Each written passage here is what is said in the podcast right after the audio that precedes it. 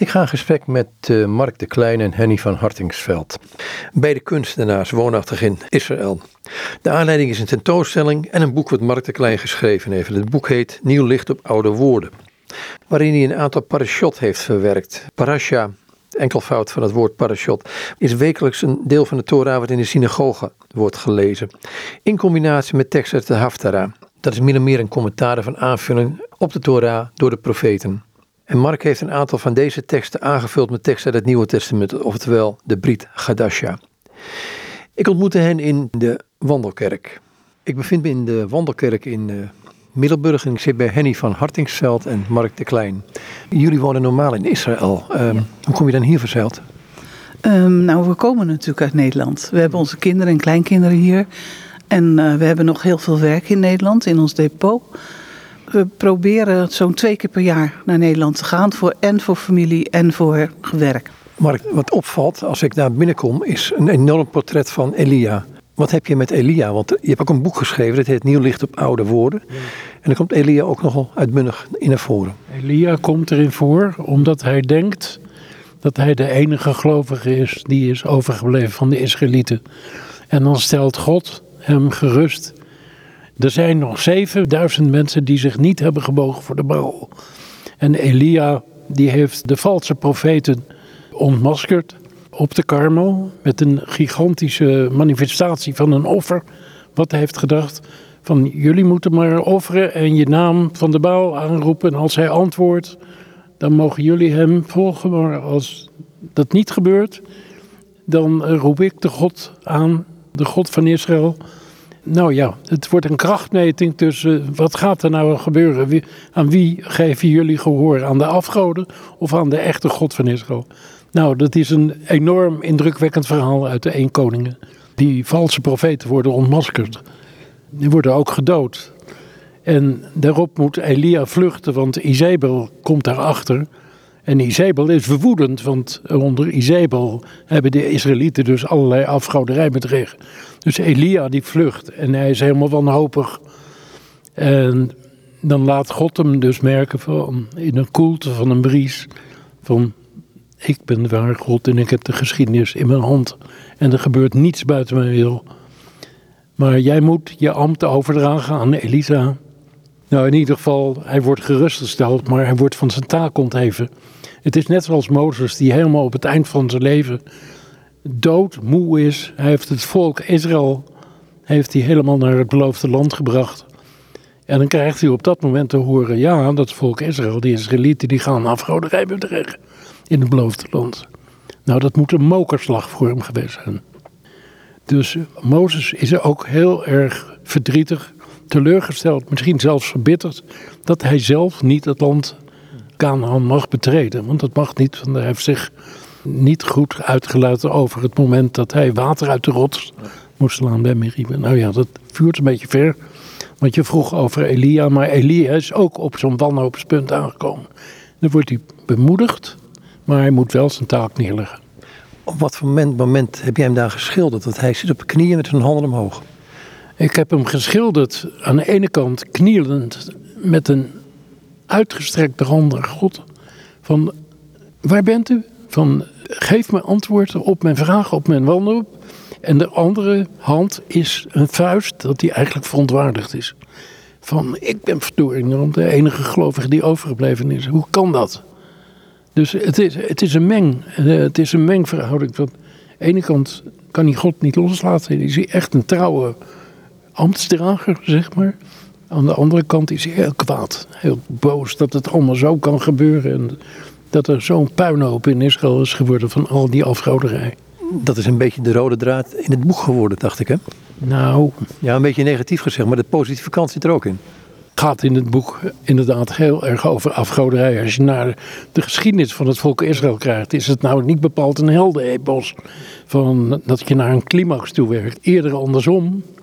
Het gaat van een hoogtepunt van koning David en koning Salomo eigenlijk steeds neerwaarts naar een dieptepunt van koning Zedekia. Nou staat een links van, die, van het schilderij, vlak bij dit schilderij, staat een beeldhouwwerk van jou. De tien woorden. Ja, de tien woorden. Ik, uh, ik heb geprobeerd om de, beelden die ik neerzette om die iets van een relatie met elkaar te laten hebben. En de tien woorden, dat, zijn de, dat is de tien geboden in het Oude Testament. Het is heel apart. Toen ik jong was, toen waren de tien geboden voor mij echt ja, heel veel moeten. Je moet dit, je moet dat, je moet zus. En er was niet veel blijdschap in. Er was eigenlijk een soort, uh, ja, soms ervaarde ik het als een stok om mee te slaan. Naarmate ik ouder word, ben ik die tien woorden gaan liefhebben en denk ik van hé, hey, het is eigenlijk andersom. Want het eerste gebod is van je hebt God lief boven alles en dan je naast als jezelf. En dat eerste gebod, als je God lief hebt, als de consequentie daarvan, dan doe je dit niet. En dan doe je dat niet. En dan moord je niet. En dan, dan lieg je niet. En dan bedrieg je niet. Dat is gewoon de logische consequentie van iemand die je lief, heeft, lief hebt. En dat vond ik een, eh, een ontdekking. En dat vond ik ook heel mooi. Achteraf heb ik gemerkt dat het heel joods is om het zo te zien. Maar dat wist ik toen nog niet. Maar ik had de behoefte om in deze tentoonstelling die tien woorden neer te zetten. Een Torah-rol. De installatie die Mark en ik gemaakt hebben. Van de namen van God, de heilige naam van God. Een eerbied voor de God van Israël. En de namen ook in het Hebreeuws geschreven. Maar daar heb ik dus aan toegevoegd Torah-rollen. Briefjes die je normaaliter kan je een briefje in de muur stoppen in je Jeruzalem bij de kotel. Maar ook stukken uit de bergreden. Want Yeshua heeft door de bergreden, door die, die woorden die hij daar gesproken heeft, heeft hij eigenlijk de wet veel dieper en veel mooier gemaakt. En veel meer to the point. Nou hangen er ook twee schilderijen met de titel Messiah. Ik ga de link van het Oude naar het Nieuwe Testament maken. Ehm, jij bent Joods. Ehm, waarom die twee schilderijen? Nou, die twee schilderijen zijn ontstaan op een uitnodiging van het Margaretha Consort. Die concerten heeft uh, georganiseerd in vier verschillende kerken. Ik geloof in Leeuwarden, in Dalfsen, in Nijmegen en in Assen, geloof ik. Ik ben uitgenodigd om tijdens die uitvoering van de Messiah te schilderen. Dus datgene wat je hoort, om dat ook te verbeelden in kleur en in vorm. Zo is het ontstaan in, in december 2015.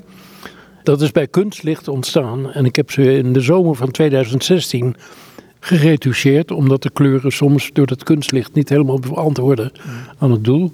En het jaar daarop zijn ze tentoongesteld in de grote kerk voor het eerst in Delft. Dat is even iets over het ontstaan. En het is naar aanleiding van een verzoek om de Messiah uit te beelden.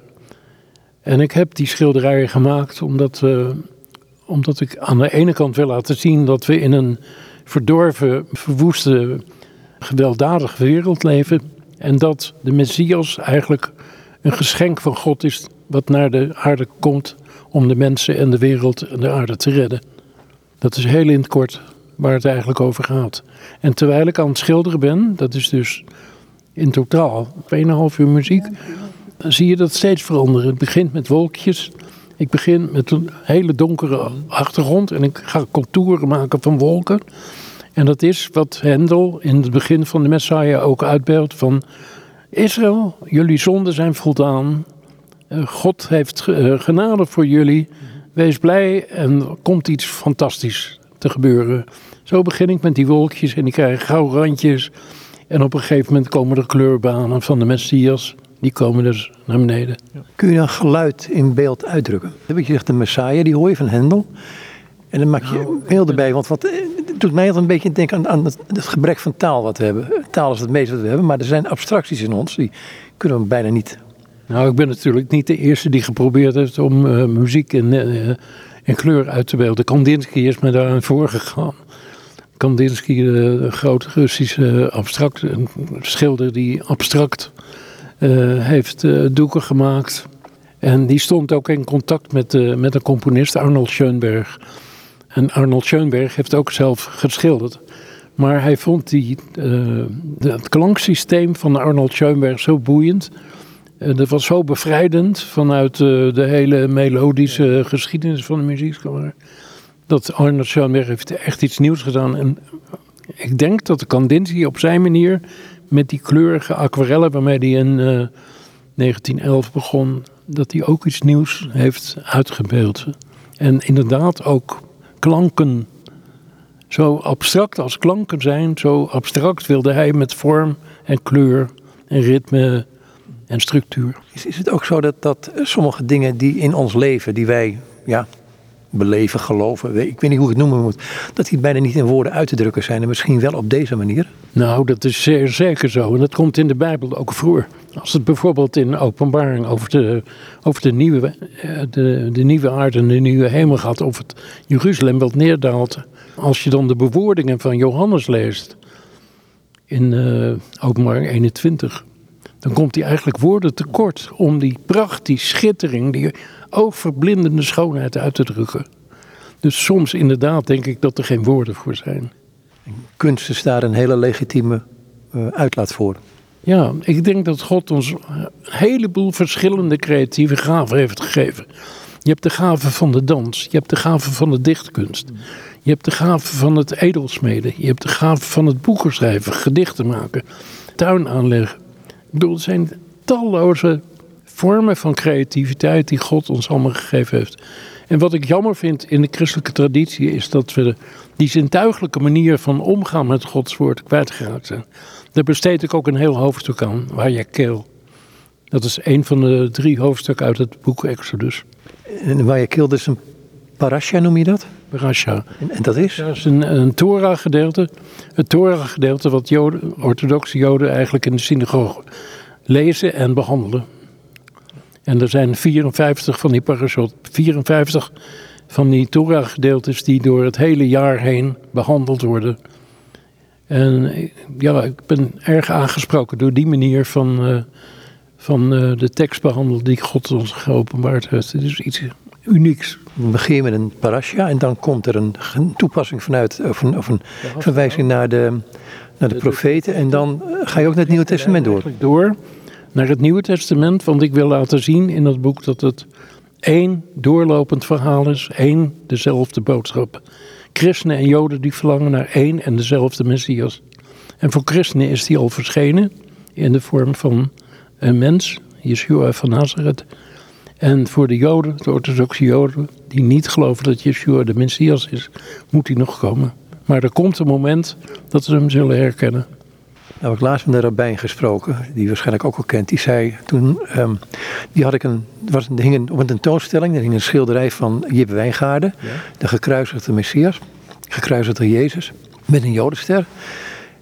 En er hing een gedicht van Lodi van der Kamp. En ik vroeg aan hem, ik zeg maar, zou deze Jezus de Messias kunnen zijn?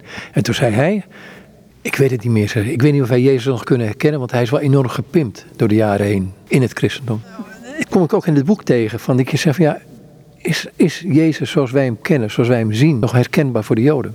Nee, ik denk dat Jezus zoals wij, zoals hij in het christendom is vormgegeven of is geïnterpreteerd, dat die onherkenbaar is voor Joden.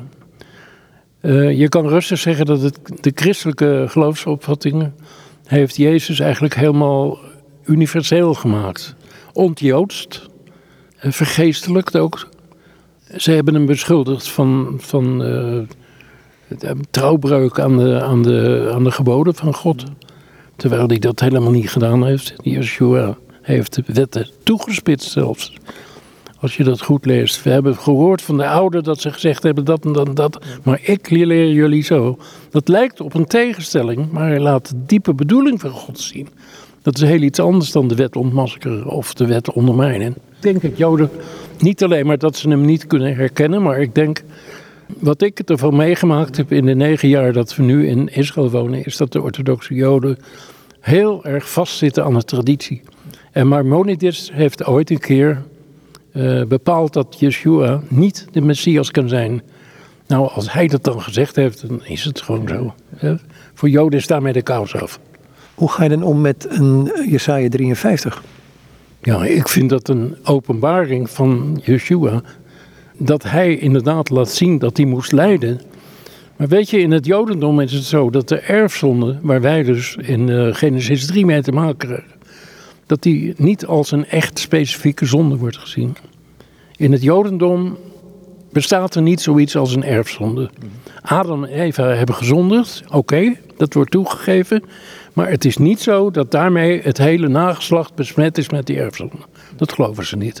En ik geloof het wel. Ik geloof het wel. Yeshua is gekomen om de uitwerking van die vloek op te heffen om de verzoening met God weer mogelijk te maken. En Paulus zegt in 1 Corinthiërs en ook in de Romeinenbrief dat Yeshua gewoon gekomen is als een tweede, als de laatste Adam. Waarom is dat? Omdat de eerste Adam iets fout gedaan heeft, wat Yeshua is komen herstellen.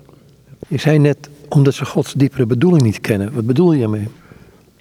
Ik denk dat in het Jodendom door de eeuwen heen, want we praten nu eigenlijk al over 3000 jaar geschiedenis van het Joodse volk. Ik denk dat er door de geschiedenis heen zoveel bijbepalingen, menselijke toevoegingen aan die Torah zijn toegevoegd. Dat het eigenlijk een wildernis is geworden. Dat de echte, pure bedoelingen van God eigenlijk ondergesneeuwd zijn. En daarom spreekt Yeshua ook over een last. Een last, de fariseeën en de wetsgeleerden hebben het volk een last opgelegd die God nooit bedoeld heeft. Wat heeft God dan bedoeld? God heeft bedoeld dat we hem lief zouden moeten hebben. En dat zei Henny strakjes ook al. Daar ben ik het helemaal mee eens. Want de tien geboden beginnen niet met een verbod dit en een gebod dat. Nee, die begint ermee. Ik ben de God die jullie uit Egypte hebt bevrijd. Dat betekent dus dat God van meter van eigenlijk verwacht dat wij hem lief hebben, dat we hem hoog houden, dat we hem dankbaar zijn. En dat niet voor een dag of een week of een maand, maar ons hele leven. Komt die dankbaarheid in jouw werk naar voren toe? Wat we hier zien, want er staan van die prachtige bloemen in een vaas. En we hadden ook een paar Torah-rollen liggen daar. Tenminste, wat ik Torah-rollen zou noemen. Jij zou ze anders noemen. Ik noem ze sprekende beelden, zwijgend schrift. Ehm, ja, komt de dankbaarheid erin voor? Ik weet het niet. Ik weet niet of mensen dat zien als dankbaarheid. Ik heb wel. Ja, in, in die installatie komen dus twee schalen met briefjes voor. En dat zijn dankoffers. Dat klopt. Dat is een element wat duidelijk een dankoffer is. Maar de andere zijn meer um, een soort herinnering en een soort reminder. Een, reminder van mensen, denk erom. Ik ben het. En luister naar mij. En heb me lief. En uh, dat is het eigenlijk meer. En dat heeft natuurlijk, als je dat doortrekt, wel met dankbaarheid te maken. Je kan het zeker zien als dankbaarheid. Maar op die manier ben ik niet aan het werk gegaan. Maar ik denk dat ik, dat ik gewoon zelf uh, heel dankbaar ben. Dat ik God dankbaar ben dat ik mag bestaan en dat ik mag werken.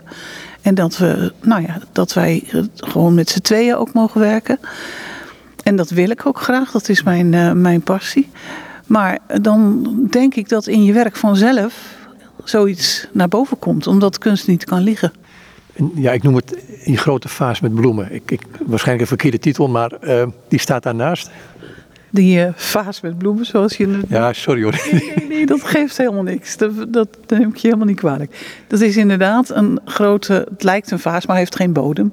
Maar dat, is, dat beeld heet Leven uit de dood. En dat, is, dat heeft tweeërlei betekenissen. In deze expositie heb ik het neergezet omdat als je inderdaad in God gelooft, als je zijn geboden houdt, als je luistert naar zijn stem, dan is dat leven uit de dood. Maar ik heb het beeld oorspronkelijk gemaakt um, als een reactie op de dood van de Holocaust, van de Shoah.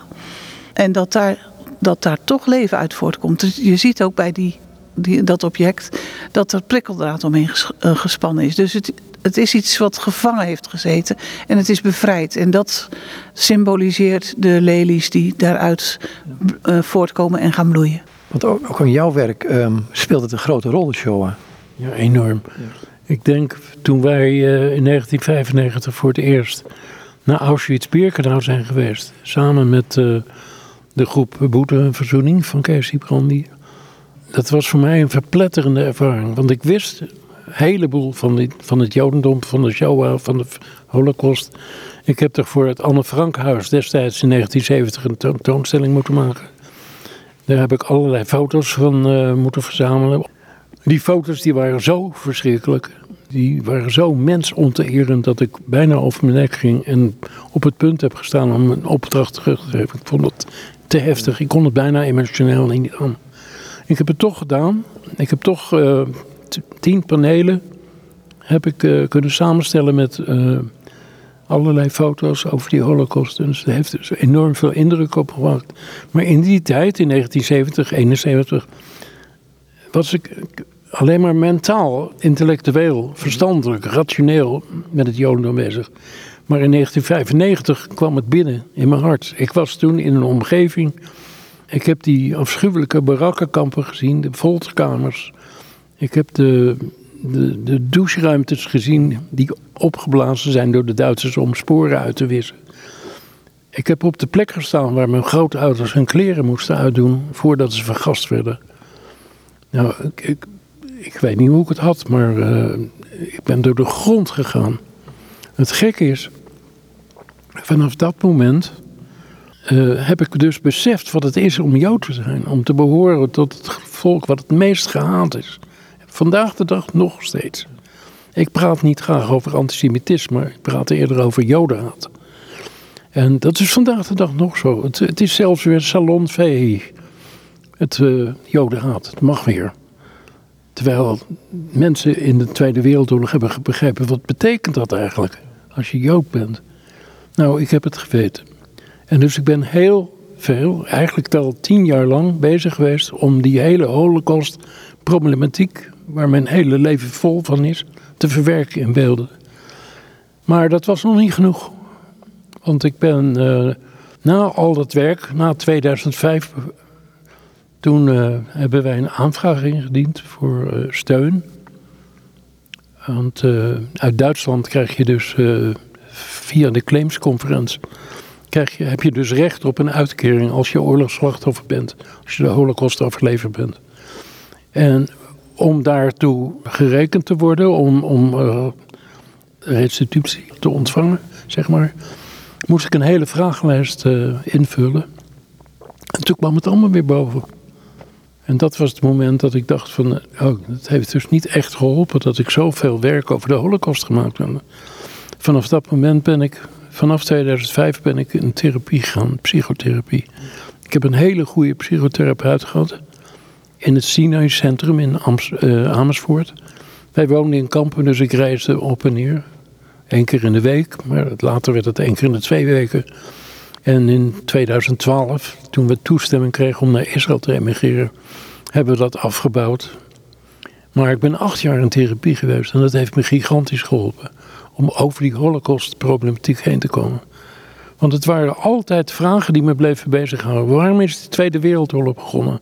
En waarom krijgen uitgerekend de Joden daarvan de schuld? Dat begreep ik niet. Is dat überhaupt wel te begrijpen? Nou, ik denk dat je een heel land kan komen als je alle gegevens bij elkaar verzamelt. En dat goed op je laat inwerken. Het is geen toeval dat de Tweede Wereldoorlog is uitgebroken. Want Duitsland is door de twee, door, na de Eerste Wereldoorlog enorm vernederd als volk. Ze hebben onbetaalbare belastingen, herstelbetaling moeten betalen. En Hitler heeft ook heel erg duidelijk gemaakt dat Duitsers beledigd waren, vernederd waren. En hij zou wel eens even laten zien dat ze het machtigste land van Europa waren. Maar de Joden waren de schuld. Dus die moesten vernietigd worden. En dat schrijft hij al in Mijn We zitten hier in de Wandelkerk. Ehm, misschien een gekke vraag, maar jullie werken in Israël. En er is ook materiaal vanuit Israël hier naartoe gekomen, in de galerie. Daar is ook nog een deel van deze expositie. Zit er ook werk van jou bij? Ja, ik heb wat kleinwerk meegenomen uit uh, Israël, omdat er gewoon op, uh, in een vitrine uh, werken geplaatst moesten worden. Maar het meeste werk voor mij komt uit het depot in, uh, wat wij hier in Nederland hebben. Want mijn werk is gewoon lastig vervoeren en dat is uh, breekbaar. Nogal zwaar ook. En, de, en, die dingen in de vitrine, wat zijn het voor, een, wat voor voorwerpen zie ik daar? Um, een paar kleine huisjes, een soort uh, gebedshuisjes. En verder wat sieraden, mezuzah's, een prespapiers. Dus kleine dingen die mensen leuk vinden om te zien. En dat is ook echt in de galerie en heeft niet zoveel inhoudelijke betekenis. De gebedshuisjes wel, maar... Wat, wat, wat, zijn het gebedshuisjes? Wat moet ik me daarbij voorstellen als, als je dat zo vertelt? Nou, ik heb een, de vorm van een huisje gemaakt, maar dan niet echt een huis, maar lappen klei aan elkaar gemonteerd. Uh, er zit een uh, Davidster bovenaan, dat wat dus suggereert dat het iets met het Jodendom te maken heeft. Er zit bij een ander zit een, een soort toren en uh, er zitten openingen van ramen in. Ik, maar het is dus met lapjes klei ge, gemaakt en het is absoluut niet een, uh, een echt huis, maar wel herkenbaar als een huis. Dus, maar waarom noem, je het dan een gebed, waarom noem je het een gebedshuis? Omdat ik het licht er binnen heb uh, laten. Ik heb er van binnen kleur gegeven. Ik noem het onder andere gebedshuis, omdat ik er echt een Davidster bewust op gedaan heb. Dus als een soort synagoge. Het is een beetje een intiem plekje waar je je terug kan trekken in het gebed. Er hangt ook in, in de galerie nieuw materiaal van jou, wat ook in het boek gebruikt is. Um, ik heb soms het idee dat je liever over het boek praat en over de tentoonstellingen. Ik heb 16 uh, eh, aquarellen meegenomen vanuit Israël. Twee series van acht. Een blauwe serie aquarellen en een rode serie aquarellen. Die ook op een bepaalde plek in het boek zijn geplaatst. Precies op de goede plek, zeg maar. En de blauwe serie aquarellen gaat over uh, het licht, met de rode trouwens ook. Het gaat over het licht wat schijnt. En het licht wordt steeds sterker. Steeds sterker, steeds sterker. En de onderliggende thematiek van het boek, dat is niet alleen maar de Bijbel tot leven brengen. De verhalen die je vindt in, in Genesis en in Exodus en ook in Numeri, dat zijn niet zomaar verhaaltjes. Dat zijn verhalen met een hele diepe betekenis, een diepe bedoeling. En dat is Gods manier om mensen duidelijk te maken hoe God de mens ziet en ook hoe de mens reageert op het woord van God. Wij hebben in het christelijk geloof uh, veel meer te maken gekregen met een Griekse manier van denken. Dat is uh, nauw omschreven. Dat zijn definities soms van onbegrijpelijke geloofswaarheden, zoals de Triniteit, de drie-eenheid, of de voorzienigheid, of de, het filioque, het gegeven dat, dat Yeshua zowel mens als God is. Nou, dat soort dingen die eigenlijk rationeel niet te begrijpen zijn. Ik ben als Jood eigenlijk teruggekeerd naar de Torah. Naar de Torah, naar de echte openbaring van God op de berg Horeb in de Sinai-woestijn. En dat vind ik een onuitputtelijke schat. Het is een universeel gegeven. De Bijbel is nooit achterhaald te verklaren. Het blijft actueel tot op de laatste dag van de geschiedenis, denk ik. je hebt net, net iets over de, de show verteld, over wat ik jou gedaan heeft. Toch hangt hier, ik ga nog één keer hier naar deze tentoonstelling, een schilderij dat heet Levensvreugde. Ja. ja. Het lijkt een tegenstelling, hè? Als je de woorden van God serieus neemt, op je laat inwerken, als je begint met dankbaarheid. Henny zei het straks al, van ik ben dankbaar dat ik mag leven en dat ik mag werken. Die dankbaarheid ken ik ook. En die dankbaarheid is iets om blij mee te zijn. En dat kan je, als je dat echt beleeft van binnenuit, kan je dat ook uitstralen naar andere mensen. Ik heb dat beeld uh, levensvreugde ook laten zien.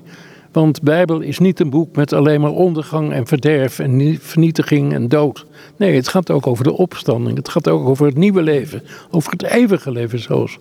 En ik vind Matisse, dat blauwe figuurtje wat in het schilderij zit van die levensvreugde, heb ik ontleend aan Matisse. Want Matisse is voor mij een moderne schilder die de blije kant van het leven altijd heeft willen uitbeelden. Heel anders dan Picasso en heel anders dan Goya. Mensen die met de vernietiging bezig zijn geweest. Matisse deed dat niet. Die twee kanten van, van blijdschap en verdriet, wat ik, wat ik bij jou proef, uh, zijn, dat, zijn die met elkaar verweven? Ja, op een hele diepe manier zelfs. Ik denk dat je de verlossing die Yeshua ons kon brengen pas kan beleven als je weet dat je in een hel terecht bent gekomen. Weet je wat Jean-Paul Sartre zei, de filosoof? De hel, dat zijn de anderen. Nou, ik kan me voorstellen dat Sartre in het na Tweede Wereldoorlog heeft gezegd: wij leven in een hel. Wij hebben van de wereld een hel gemaakt. En hoe moet je in vredesnaam uit die hel verlost worden? Nou, Sartre had er geen oplossing voor, want hij was niet geloven. Ik denk dat wij in het geloof wel een oplossing hebben. Als we ons overgeven aan God. Hij brengt ons naar de grazige weide van Psalm 23. En dat is mijn levensvrucht. Er staan in het boek twee gedichten van je vrouw, van, van Henny. Um, kun je er één van voorlezen, Emmaus? Is het mogelijk? Dit is het gedicht Emmaus. Twee mannen onderweg, druk gesticulerend, opgewonden, elkaar bevragend zo de mores is, op weg naar Emmaus. Een derde voegt zich bij, in het gesprek verbaasd over onwetendheid, wat is gebeurd, kijken de partners elkaar aan. Weet u het niet? Hebt u het niet gehoord? Heeft niemand u het fijne meegedeeld? De man schudt lopend naast hen voort het hoofd, begint met grote liefde zijn verhaal. Heer Mosje komt voorbij, het Torah-onderwijs. Profeten worden bijgesleept. De mannen zijn verbaasd, zijn kennis dringt zich langzaam aan hen op. Gearriveerd in Emmaus wacht hen een sober maal. Schuif aan, vriend, en vertel ons meer van wat u weet. De honger naar de stoffen grijs is groot. De woorden worden ingedronken. De beker in zijn hand geheven, de braga gesproken. Het brood gedeeld. Dan volgt een stilte, die de mannen om zich heen doen zien. Verbijsterd merken zij de leegte op. De vreemde die hun aandacht trok, is in het niets als opgelost. Verdwaasd aanschouwen zij de ruimte. Plots in het donker van de nacht breekt licht hun harten binnen. Een ongekende warmte overstraalt de woorden die hij heeft gedeeld. Ze vallen op de schedelplaats. Hun ogen glanzen van herkenning aan de tijd waarin zij samen volgden. De maaltijd blijft onaangeroerd. De noodzaak terug te gaan, nu sterker dan de honger. De vrienden moeten weten wat er is gebeurd. Zo snellen zij Jeruzalem weer binnen. De duisternis van dagen achtereen maakt plaats voor eeuwig licht. De dood is overwonnen. Ik heb dit ooit door een, ehm, een priester die ik interviewde. Die zei van ja, die vond dit een van de mooiste passages uit de Bijbel. Hij zegt, want de Heer Jezus ging wezen met hen de verkeerde kant op in eerste instantie. Tot ze hem herkenden. Ja, dat, uh, dat kan ik wel helemaal mee voelen. Mm -hmm. ik, vind het een, uh, ik vind het zelf een heel ontroerend stuk. Ik uh, krijg er altijd gelijk beelden bij, dat ik dat voor me zie, hoe dat gaat. En dat ze dan ineens, nou, wij zouden zeggen van, hè? Ineens, wat, wat gebeurt hier? We zouden echt in, in een soort, ja, in verbijstering raken. Zo heb ik het ook ervaren toen ik het schreef. Want ik vind, het, als zoiets gebeurt en iemand is er dus ineens niet meer, maar dan, dan ineens hoor je wat hij allemaal heeft gezegd. Dan komt het ineens binnen. Daarvoor was het gewoon een verhaal en een geschiedenis en het van het verleden. Maar als dan blijkt dat die persoon die uh, braga zegt en het uh, brood deelt en die wijn die beker heft, dan is er, dan is er waarschijnlijk een soort heiligheid te zien. -hmm. Dat, dat merk je. Nou, dan die verbijstering en dan dat ze zoiets hebben van... we moeten gelijk terug. Dat ze helemaal vergeten om te eten. Ze hadden hartstikke honger, maar ze moesten weer helemaal terug. En dat, was een, dat is een behoorlijk eind van Emmaus naar uh, Jeruzalem. Dus minstens iets van uh, 20, 25 kilometer. En dat lopend, dat duurt wel even voordat je er weer bent. Dus het is, ik vind het een heel bijzonder verhaal. En Yeshua heeft zich aan hen op zo'n mooie manier uh, laten zien. Dat hij het is. En dat moet, dat moet toch iets heel bijzonders zijn. Hoe heeft hij dat aan jou laten zien? Um, hoe heeft hij dat aan mij laten zien? Ja, ik ben, ik ben opgegroeid in een gelovig gezin. Ik ben uh, opgegroeid met ouders die ons heel veel leerden over de Bijbel. Die ons ook uh, leerden om wat je in de Bijbel leest en wat je gelooft. Dat je daar ook naar moet handelen. Dus leren en leven kwam heel dicht bij elkaar. En ik heb ben altijd heel blij geweest met God. Ik, heb, ik vond het fantastisch en ik heb altijd wel iets gevoeld. En er zijn wel momenten in mijn leven geweest die heel moeilijk waren. En dat ik in die periode eigenlijk nog veel dichter bij Yeshua kwam. En nog veel dichter bij het hart, hart van de Vader eigenlijk. Want voor mij is Yeshua degene die mij het lef geeft om naar de Vader te gaan. Want zonder hem zou ik dat niet kunnen. Omdat je gewoon weet als mens dat je het verknald hebt ja, dat, dat is iets heel bijzonders. Ik, ik, ik voel dan een hele diepe warmte in me. Hoe is het voor jou? Hoe is dat voor mij? Laat ik uh, beginnen bij het herkennen van Yeshua. Dat is voor mij ook heel dichtbij gekomen in de, in de jaren dat ik uh, uit Zwitserland terugkwam. Nadat ik een opleiding voor grafisch ontwerper had gevolgd. Toen heb ik nog steeds rondgelopen met die twee vragen. Waarom de Tweede Wereldoorlog? Wat betekent het eigenlijk om Jood te zijn? Wat moet ik daarmee? Ik heb daarmee geworsteld, want uh, ik voelde wel zoiets dat er een godheid was. Maar ik was er eigenlijk bang voor, omdat ik dacht, ik voldoe niet aan zijn eisen. En door het leren, uh, door het leren, door ook kennismaking met uh, Labrie Fellowship, met Francis Schaeffer, waar ik heel veel van geleerd heb, is de Bijbel voor mij heel dichter, dichterbij gekomen. En ik heb Yeshua op een gegeven moment kunnen, kunnen accepteren, kunnen toelaten in mijn hart. Omdat hij tegen mij zei, als het ware, je hoeft niet bang te zijn. Je mag gewoon jezelf zijn. En ik zal je naar de Vader brengen. En dat is gewoon een soort opening geworden vanuit angst. Opening, de angst was weg. En ik heb hem aanvaard en het is vandaag de dag nog zo. Yeshua heeft mij dus geleerd dat ik niet bang hoef te zijn voor God.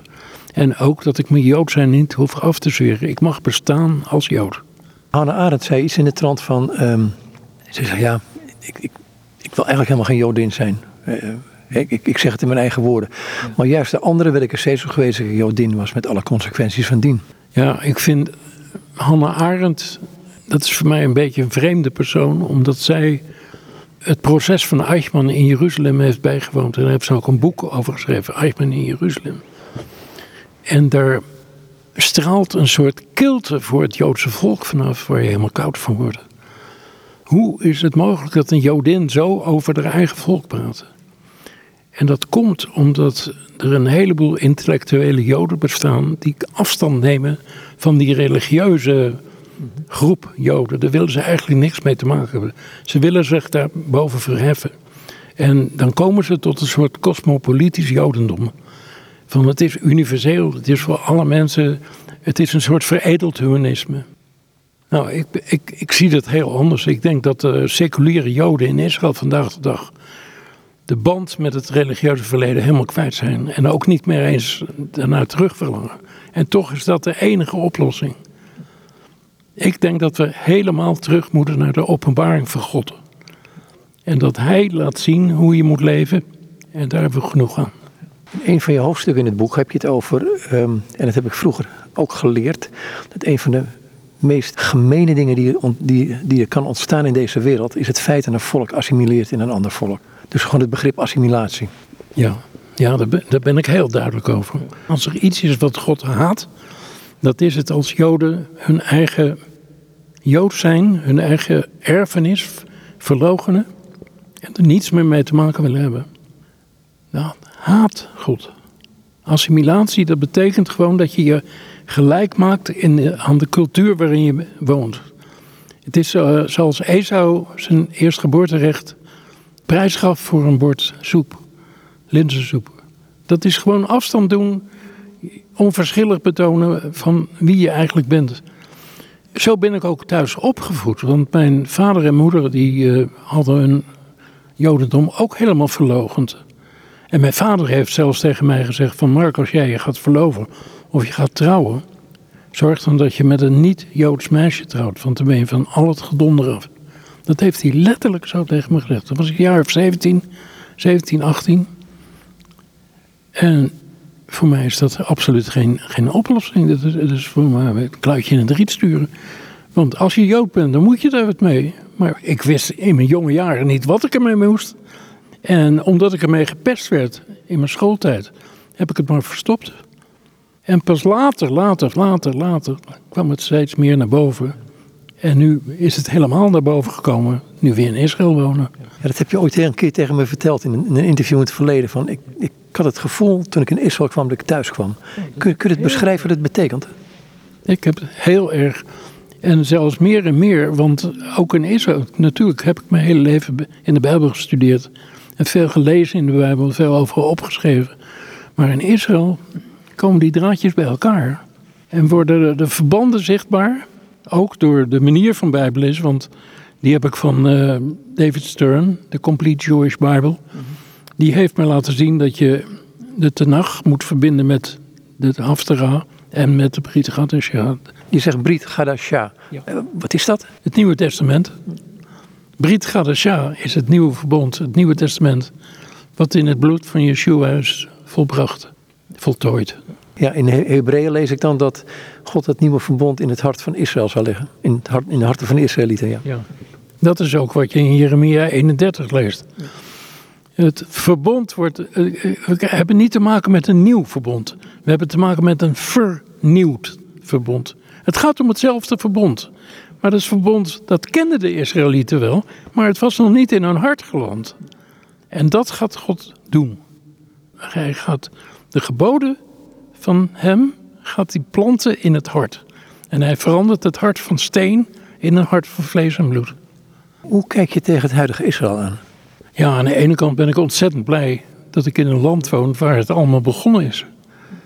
Aan de andere kant zie ik dat er zo verschrikkelijk veel seculiere Joden zijn die niets met God hebben. Althans niet duidelijk. En dan bedoel ik niet zozeer specifiek de orthodoxe Joden. Want die hebben natuurlijk wel degelijk iets met God. Maar er is nog zoveel onbegrip. Er is nog zoveel pijn. Nog zoveel traumatische ervaringen die geheeld moeten worden. Dat ook met de mensen, ook Joden die de Holocaust overleefd hebben, is het heel moeilijk te praten over die dingen. Want ze willen er niet meer over praten. Ze vinden dat te pijnlijk. Ja, ze willen er eigenlijk helemaal niet meer aan herinnerd worden. Maar als je Israël alleen maar ziet als een toevluchtsoord voor Joden die overal ter wereld vervolgd worden, dan doe je tekort aan de opdracht die de Joden eigenlijk hebben gekregen om de wereld tot een zegen te zijn. En ik denk, hoewel de Joden inderdaad ongehoorzaam zijn geweest, ontrouw zijn geworden aan hun eigen God, dat christenen heel vaak de Joden belemmerd hebben om hun taak voor de wereld uit te voeren. Er zit toch iets, iets heel aparts in wat je zegt. Want als ik uh, Jozef Rood lees, en ik lees over de stettels in, in Oost-Europa, Oekraïne en, en niets meer, dan is het een gemeenschap over het algemeen die heel erg in zichzelf gekeerd is. Om, om ook de puurheid te bewaren. Tegelijkertijd hoor ik je tussen de regels door zeggen, de belofte aan Abraham, eh, maar ook zo zijn er meer, van je zult een zegen zijn voor alle volken. Um, dat lijkt elkaar te bijten. Ja, en het komt waarschijnlijk door de uitverkiezing. De uitverkiezing is niet een menselijk bedenksel. Ik denk de uitverkiezing is het feit dat God één volk uitkiest met een bepaalde bedoeling. Niet om te laten zien dat dat een beter volk is, een religieuze volk, een begaafder volk of wat dan ook. Nee, het is het minste volk van alle volken. Een klein volk, een volk wat uh, weerbarstig is, wat, uh, wat ja, niet leeft zoals het eigenlijk zou moeten leven. En toch is dat volk uitverkoren. Maar het is uitverkoren niet omdat ze beter zijn, maar omdat ze een taak hebben. En ik zie in de Bijbel tig keer voorkomen dat de Joden zich gaan beroepen op hun afkomst. Wij zijn zonen van Abraham, dus wij zijn met andere woorden beter dan anderen. Nou, zo is het dus niet.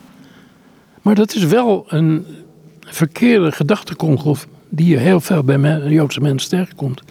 Ik denk als Joden gaan zien dat ze een taak in de wereld hebben, en een heleboel Joden zien dat gelukkig ook, maar ze koppelen er nog niet altijd aan God, aan de openbaring van God, dat dat nou precies de bedoeling is van die uitverkiezing. En christenen kunnen er niet tegen dat Joden uitverkoren zijn. Joden hebben notabene Jezus Christus vermoord. Hoe kan dat volk nou uitverkoren zijn? Zo vervloekt dat volk. Nou, dat is een conflict wat nooit is opgelost. En ik probeer een begin van een oplossing aan te bieden in mijn boek. Hoe doe je dat? Ik doe het door de Bijbel tot leven te brengen en om te zeggen: jongens, ga nou eens werkelijk lezen wat er staat. En laat het tot je doordringen en beschouw het niet als verhaaltjes die achterhaald zijn, die niet meer relevant zijn voor vandaag. Nee, ga net zo lang lezen tot je de relevantie ervan ziet.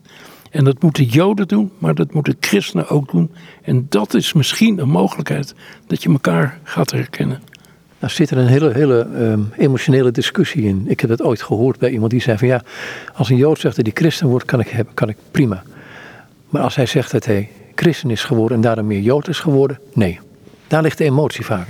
Ik ben christen geworden omdat voor mij Jezus Christus, Yeshua, voor mij de Messias is. Ik heb hem op een dieptepunt in mijn leven, als 30-jarige, heb ik hem toegelaten in mijn hart en ik ben hem gaan aanhangen, nog steeds, omdat hij voor mij antwoorden gaf op levensvragen. En die antwoorden kreeg ik niet in de Joodse Academie, waar ik ook een aantal jaren les heb gevolgd, in Amsterdam Buitenveldert. Want ik was op een gegeven moment op een buitenkerkelijke categorisatie. Maar ik volgde tegelijkertijd ook lessen aan de Joodse Academie. Ik dacht, ik ben Joods. Misschien is dat hele gedoe van het christendom wel een voorportaal, zeg maar, om uiteindelijk orthodox Joods te worden. Maar ik kreeg binnen het Joodse academisch onderwijs, zeg maar, geen antwoord op mijn levensvragen. En dat kreeg ik wel op die categorisatieavonden. Wat is dan de, de messias verwachten van het orthodoxe Jodendom? Of zelfs als ik naar het Oude Testament ga kijken, wat is dan de Messiasverwachting? De Messiasverwachting van, zoals ik het begrepen heb vanuit het Jodendom, is dat de Messias uiteindelijk zal komen om het Joods volk terug te brengen naar het oorspronkelijke Duitsland. De Messias zal heersen over alle volken. Hij zal ook de Joden terugbrengen naar de wet. En de christenen die leren dat de Messias is gekomen om de zondeval te niet te doen en om de mens eigenlijk weer te herstellen in zijn oorspronkelijke status ten opzichte van God. Maar het stukje wat de christenen dus leren, dat ontbreekt bij het Jodendom. En waarom? Omdat ze eigenlijk de diepgang van de zondeval niet tot zich laten doordringen. Ik heb een middeleeuws theoloog horen, dit horen vertellen. Wij zijn geschapen naar het beeld van God. En het beeld zou als Jezus Christus kunnen zijn. Ja, dat geloof ik precies zo. Dat zeg ik ook ergens in mijn boek. Daar gaat het over. Uh, God zegt op een gegeven moment: laat ons mensen maken naar ons beeld. Maar hij had een beeld en dat was Yeshua. Dat was, en daarom staat er ook van Yeshua, die bestond al voor de oorsprong van de wereld. Wat heb je met dit boek willen bereiken? Nou, in de eerste plaats dat, uh, dat er toenadering, veel meer intieme toenadering komt tussen Joden en Christenen. Maar het is vooral een eerbetoon aan de, aan de eeuwige. En ik hoop dat het iets gaat doen. Dat is mijn diepste wens. Misschien kunnen we nog een gedicht lezen van, van, van Henny. Um, maar ik ga eerst naar een andere parasha gaan. Um, dan gaat het over onreinheid. Uh, ik heb een parasha besteed aan Metzora. Tazria Metzora.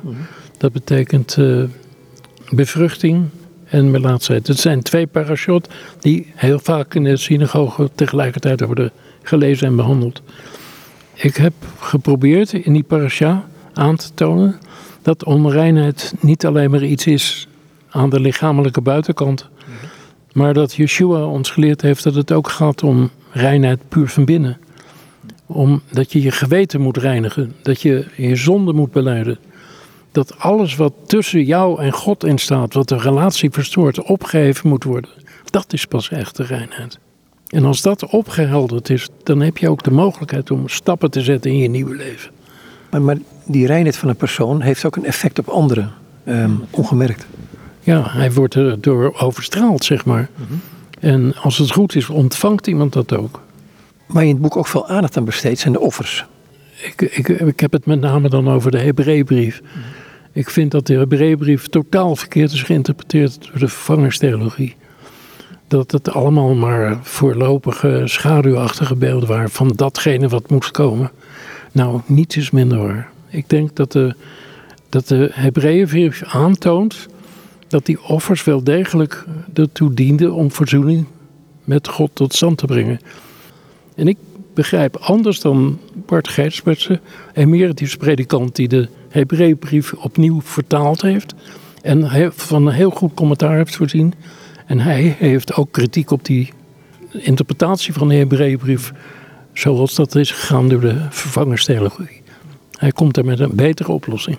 En die is? En die is dat de weliswaar de Israëlieten vroeger door de, de offers hun zonden zijn vergeven, maar dat het offer van Yeshua daar bovenuit gaat. En de, de vervangerstheologie heeft geleerd: nee, het oude heeft afgedaan en is vervangen door dat offer. En zo is het dus niet. Die offers zijn wel geldig. En die zijn tot op de dag van vandaag ook geldig, omdat er anders de grote verzoendag niet als een eeuwige dag zou zijn beschreven in de Tanach. Maar, maar er blijven altijd dingen um, die wat lastig voor ons te begrijpen zijn. Aan de ene kant, um, je gaat met Christus op pad, je gaat met Jezus op pad. Aan de andere kant, uh, er is Israël. Uh, de Messias wordt niet herkend in Yeshua. Yeshua wordt niet herkend. En toch blijft die lijn, die, is, die lijn van Israël blijft doorgaan. Op de een of andere manier. Er zit iets, iets ongrijpbaars in. Ja. Of lijkt erin te zitten. Ik vind het in zekere zin ook ongrijpbaar. Maar je ziet aan de andere kant ook dat God zijn volk, hoezeer het ook belasterd en vervloekt en verguist en gedemoniseerd is, het toch blijft bestaan. Ook al wordt het enorme aantallen Joden afgeslacht. Het blijft bestaan. Tot in openbaring 7. Daar staat dat er van elke stam, de twaalf stammen van Israël, dat er 12.000 uh, over zullen zijn. En die staan aan de hemelpoort. Te wachten op het nieuwe leven. En dat zijn andere mensen dan de ontelbare menigte uit de volken. Dat wordt daar twee groepen mensen worden daar neergezet. Voor mij is dat een teken dat het Jood zijn tot en met het einde der tijden gehandhaafd blijft. En dat er daarnaast gelovigen zijn uit de heidevolken. Die samen met die geheiligden uit Israël het gans Israël uitmaken. Er staat nog een gedicht in voor jou. Um, zou je dit ook kunnen voordragen? Dat is een gedicht wat gaat over de verbinding tussen Joden en Christen. En dat is Mark's grote wens, maar ook mijn grote wens. Dat het ooit een keertje echt samengaat. Het gedicht heet Kesher. En het woord Kesher dat betekent verbinding. Kesher, verbinding, samengaan, lopen op de weg naar vrede met elkaar.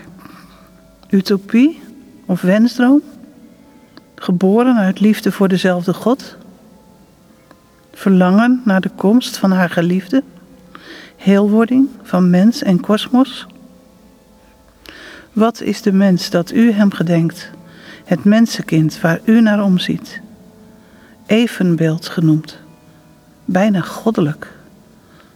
Wat blijft er over van woorden uit vertrouwde bron, bezongen in die oude tijd door Davids stem, als wij op afstand blijven staan? Wat maakt de mens tot zielsgeliefde, zielsbeminde, zoekend naar de ander, die verlangend uitziet naar verbinding? Kescher, wat is de mens die u gedenkt? Met hoopvolle verwachting, in koesterende liefde voor de ene, reiken zij elkaar de hand. Kesje. Die toenadering, um, daar gaat het over in wezen. In wezen wel, ja. Het is uh, zo ontzettend uh, vreemd eigenlijk dat, dat we beide groepen, en de christenen en de joden, als ze gelovig zijn, van de psalmen houden. Weten dat David dat bezongen heeft. Het heeft de psalmen hebben heel veel mensen altijd geraakt, omdat het heel veel emotionele gevoelens weergeeft. En dan denk je van zoveel overeenkomst, zoveel liefde voor die psalmen. Zoveel liefde voor wat David ooit gesmeekt, gebeden, gezongen heeft. En we staan naast elkaar en we herkennen elkaar niet eens. Dat vind ik heel erg. En natuurlijk blijven verschillen, maar ook in het Jodendom. Niet elke Jood denkt hetzelfde. In het christendom idem dito. Niet elke christen denkt hetzelfde. En dat hoeft ook niet. Maar dat je niet die liefde voor God met z'n tweeën kan delen dat is eigenlijk heel erg. En dat is mijn verlangen. En dat is ook het uh, verlangen van Mark in dit boek. En daarom wilde hij dit, uh, deze twee gedichten, het andere gedicht wat ik ook gelezen heb, maar ook dit gedicht, wilde hij erin hebben. En uh, dat is, ja, wij vonden dat heel mooi. En het is echt ons verlangen dat er, dat er uiteindelijk gewoon samengaan ja. komt. Is, is dat ook niet waar, um, als je het, de Tenach leest, de Torah dat het voortdurend een toenadering is van God, de eeuwige, tot de mensen. In dit geval het Joodse volk, maar ook tot, tot de wereld zoals de mensen in elkaar zitten. Ja, dat denk ik wel. En uh, ik denk zelfs dat het Yeshua zelf is die in het hoogpriestelijke gebed van Johannes 17 dat ook uitdrukkelijk uitspreekt. Dat hij hoopt dat de, dat de gelovigen van Israël ook één zullen worden met de gelovigen uit de heidevolken. Zegt de Messias dus zelf. En hij is de zoon van God. Hij weet het van de Vader. Het staat zo. Ik vind het altijd magistraal, vreemde tekst in het hoogpriestelijk gebed. Dat Jezus zegt: um, Degene die de Vader aan mij gegeven heeft. Alsof wij geschenken zijn van de Vader aan Jezus. Wat is daar vreemd dan? Ik vind dat helemaal. Ik, ik vind, het, vind, het, ja, ik vind het verwonderlijk, laat ik het zo zeggen. Um, het, het, is al begonnen toen uh, Yeshua op aarde rondliep en hij zijn discipelen ging verzamelen. Hij moest een kring toehoorders hebben, omdat die boodschap verder gebracht moest worden. Maar dat wij een soort cadeau van God aan Jezus zijn. Ja, ja dat is een cadeau. Dat is echt een cadeau. En dat cadeau was nodig omdat de Joden eigenlijk na het optreden van de laatste profeet Malachi eigenlijk uh, hebben vastgesteld dat de geest van God eigenlijk uit Israël geweken was. Maar Malachi is degene die het voorspelt dat er zo iemand als Elia in de vorm van Johannes de Doper zou komen. Dus op een gegeven moment stopt de Tanach En ze weten het niet verder meer, maar de openbaring van God is wel degelijk verder gegaan. Maar ze hebben Johannes de Doper niet herkend. Daar heb ik in de Joodse literatuur niets over gevonden. Maar Yeshua hebben ze helemaal niet herkend. Die hebben ze als een oproerkraaier, als een volksverleider gezien. Ik denk als Yeshua in ons leeft, als Yeshua bepalend is voor wat wij doen en wat we denken, dan zijn we een geschenk van God. Dan zijn we de tempel van God. Jij wil hierop reageren? Ja, ik, ik lees iets heel anders in het hoogpriestelijk ge- gebed. Yeshua zegt, als hij zegt van degene die u mij gegeven heeft, dan bedoelt hij helemaal niet ons. Dan bedoelt hij het Joodse volk. Want hij, hij bedoelt de mensen die toen leefden. Hij bedoelt de, de gelovigen die, die met hem samenliepen. En wij kwamen pas veel later. De christenen kwamen pas veel later. Het waren de Messiaanse Joden in wezen. Ze werden later niet zo genoemd. En ze, maar het waren wel de Joden die in, die in Yeshua de Messias zagen. En daar gaat het over in het hoogpriestelijk gebed. En dan kun je het doortrekken naar, naar later. Dat wij geënt zijn als gelovigen uit de volken. Of dat de gelovigen uit de volken geënt zijn op de stam van Israël. Maar in eerste instantie gaat het daar over het Joodse volk zelf. Laat ik het preciseren. Het gaat er inderdaad over de Joden zelf. Maar het gaat vooral over de verloren schapen van het huis Israël. Dat waren dus Joden die tussen de wal en het schip waren geraakt. Die, die met de nek werden aangekeken door de fariseeën en de wetsgeleerden. Maar die wel degelijk dus Jood waren. Maar die gewoon ja, aan de rand van de samenleving liggen. En die met de nek werden aangekeken. Hey, ik wil jullie alle twee bedanken voor dit gesprek. Dank je. Het was fijn. Dank je wel. Ik vond het ook heel goed om met jou te praten. En dit zijn Mark de Klein en zijn vrouw Henny van Hartingsveld. En met hen was ik in gesprek over het boek Nieuw Licht op Oude Woorden. Uitgegeven bij uitgeverij Buiten en Schipperheijn Motief in Amsterdam. Goed, nogmaals dus tot zover dit gesprek met Henny van Hartingsveld en Mark de Klein.